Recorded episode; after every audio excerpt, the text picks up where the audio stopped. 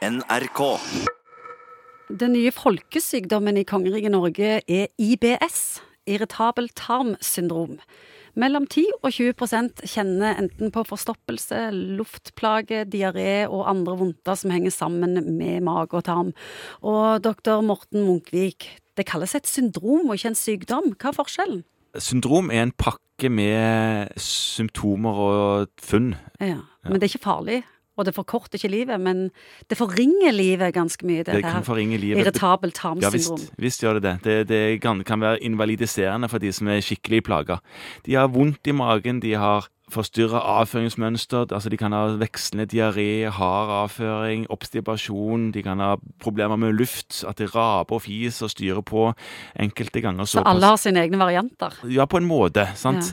Og det kan være problematisk for de som jobber i kontorlandskap fordi de fiser en del, sant? eller rumler i magen, eller må springe på do hele veien. og Alt sånn som det. Og de, da, da, da kommer de til lege, og så sier de dette her plager meg, sånn og sånn er det. Og da tar man jo og setter i gang og undersøker om det kan være en eller annen form for mage-tarmsykdom. En eller annen form for inflammasjonstilstand, f.eks. kron eller ulcerøs kolitt. Eller en eller annen bakterieinfeksjon i tarmen hvis det er akutt oppstående etter en utenlandsreise, eller et eller annet sånt som det, om det er noe smittsomt. Og så finner man jo vanligvis ingenting. Og så skal disse 10-20 bare gå resten av livet sitt og ha det sånn. Ja, så er det jo akkurat det, sant? at nå har du da funnet ut at dette her er der ingen svar på, og da lander man fordi at eh, IBS er en eksklusjonsdiagnose. Det betyr at man havner der dersom ingenting annet slår ut på veien. Hva er årsaken til at så mange nordmenn plages med dette, at ikke mage og tarm fungerer? Er det koblet opp mot er- allergi? Nei, ja, det kan, det kan det jo være, selvfølgelig. At man er litt sånn nøben for enkelte ting. Noen finner jo ut sin egen eh, kjøkkenbenkdiagnostikk, som er veldig god.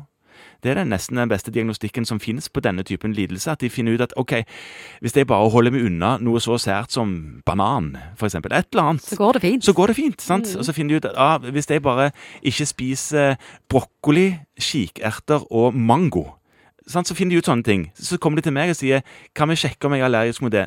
Nei, det trenger jo ikke vi å gjøre, for det har jo du allerede funnet på kjøkkenbenken. Sant? Og det er en mye bedre prøve enn enhver blodprøve som eventuelt sjekker for mangoallergi. Den fins jo ikke. Og disse blodprøvene man tar for allergi, de er dårlige. Så det finner man best ut sjøl. Ser du mye av dette på kontoret ditt? Ja, dette ser man mye av. Alder og kjønn? Det er en overrepresentering av kvinner. Ofte i sin beste alder. De kan komme fra ungdomsårene, sant? så de, de begynner ofte tidlig, så de har et langt liv foran seg med en mage som ikke helt spiller på lag alltid. Så det, det, dette her skjønner jo alle at det er problematisk. De tingene man kan gjøre for en IBS, det er å berolige, si at dette her er ikke farlig. Si at eh, ofte så vil, og det vil òg pasienten ofte si, at i de periodene som jeg har mye stress på jobben, da syns jeg at magen er mer urolig og plager meg mer. Og det stemmer ofte. Det er mer nerver i mage-tarmsystemet enn det er i hodet. Sånn at det er et organ med veldig mye nerver, og det er ikke urealistisk å tenke seg at òg den psykiske tilstanden til eieren av magen vil spille inn på symptombildet. Så det å klare å slappe av og puste med magen, holdt jeg på å si, og ta det med ro, er òg en ting som hjelper på, i alle fall i vissheten om at det ikke er dødelig, det du har i magen.